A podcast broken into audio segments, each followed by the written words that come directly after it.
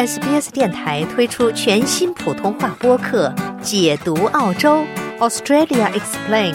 在这里，你可以轻松欢快的了解有关澳洲的有趣知识。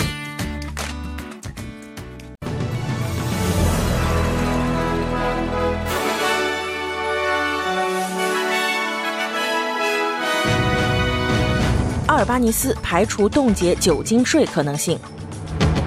悉尼一巴勒斯坦集会未有反犹太言论。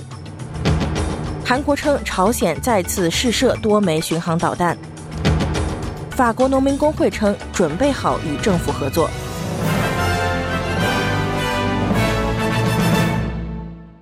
以下是新闻的详细内容。总理阿尔巴尼斯排除了冻结酒精税的可能性。但表示，联邦政府将考虑所有预算提案，以缓解生活成本压力。阿尔巴尼斯为政府在缓解生活成本方面采取的行动进行了辩护，其中包括推出反对党所称的违背选举承诺的第三阶段减税政策改革。阿尔巴尼斯为相关改革的合理性进行背书。他说：“根据新的变化，每一位纳税人，而不仅仅是部分纳税人，都将获得减税。百分之八十四的澳大利亚人将获得更多的减税。”但是他告诉三 AW 电台，政府尚未考虑暂停征收联邦酒精消费税。该消费税根据通货膨胀每年上涨两次。Last time I I had schooners, I I bought a few. And it added up to almost almost thirty dollars. 上次我买了几瓶啤酒，三瓶啤酒加起来差不多要三十澳元，价格不菲。显然，在预算公布之前会有提案，我相信会有一系列的提案提交。亲巴勒斯坦团体对悉尼西北部警方的调查结果表示欢迎。即在悉尼歌剧院台阶上举行的支持巴勒斯坦的集会上，并未使用反犹太言论。警方称，一位独立专家以压倒性的把握得出结论，称抗议者高呼用毒气毒杀犹太人的视频字幕有误，但是警方承认有证据表明其使用了其他攻击性和反犹太主义短语。澳大利亚犹太人执行委员会支持澳大利亚犹太人协会分享的十月九日集会上抗议者的视频字幕。该视频片段引发了全球公愤，并导致国内仇恨犯罪法的修改。巴勒斯坦行动小组的组织者萨奈尔表示，视频的广泛分享导致了不公平的描述，并试图遏制支持巴勒斯坦的抗议活动。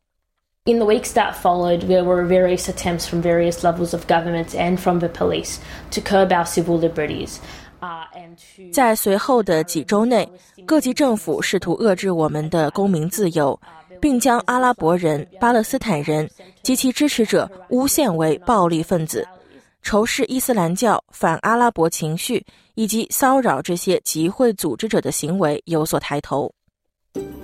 您正在收听的是 SBS 中文普通话节目。欢迎您继续收听 SBS 新闻简讯。接下来，我们来关注一下国际方面的消息。据韩国军方称，朝鲜再次试射多枚巡航导弹，朝鲜领导人金正恩在现场监督了发射。这是一个多星期以来朝鲜第四次试射导弹。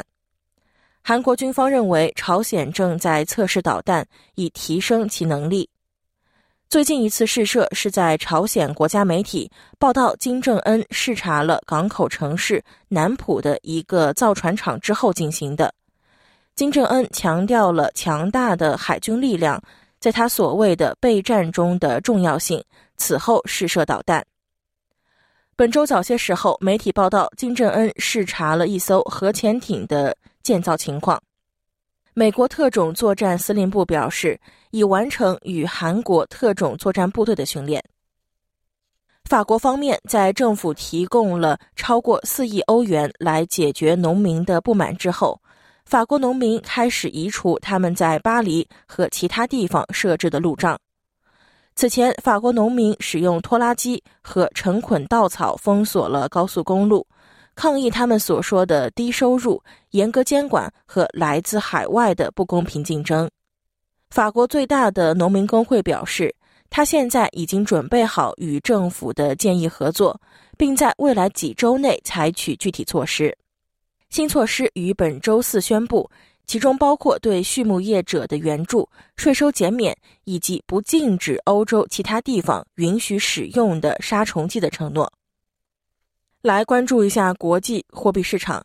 截止到澳大利亚东部夏令时早上的六点五十五分，在国际货币市场上，一澳元可以兑换零点六五一美元、四点六八四人民币、五点零九三港币以及二十点四四一新台币。在新闻节目最后，再来看一下全国各主要城市今天的天气情况。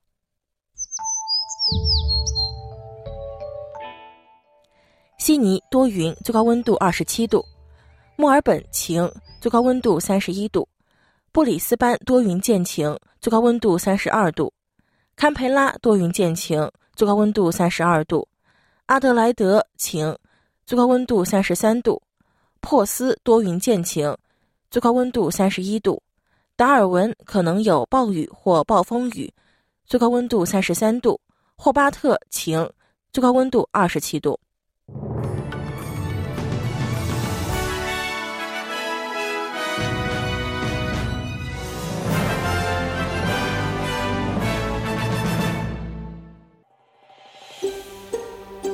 想听到更多这样的故事吗？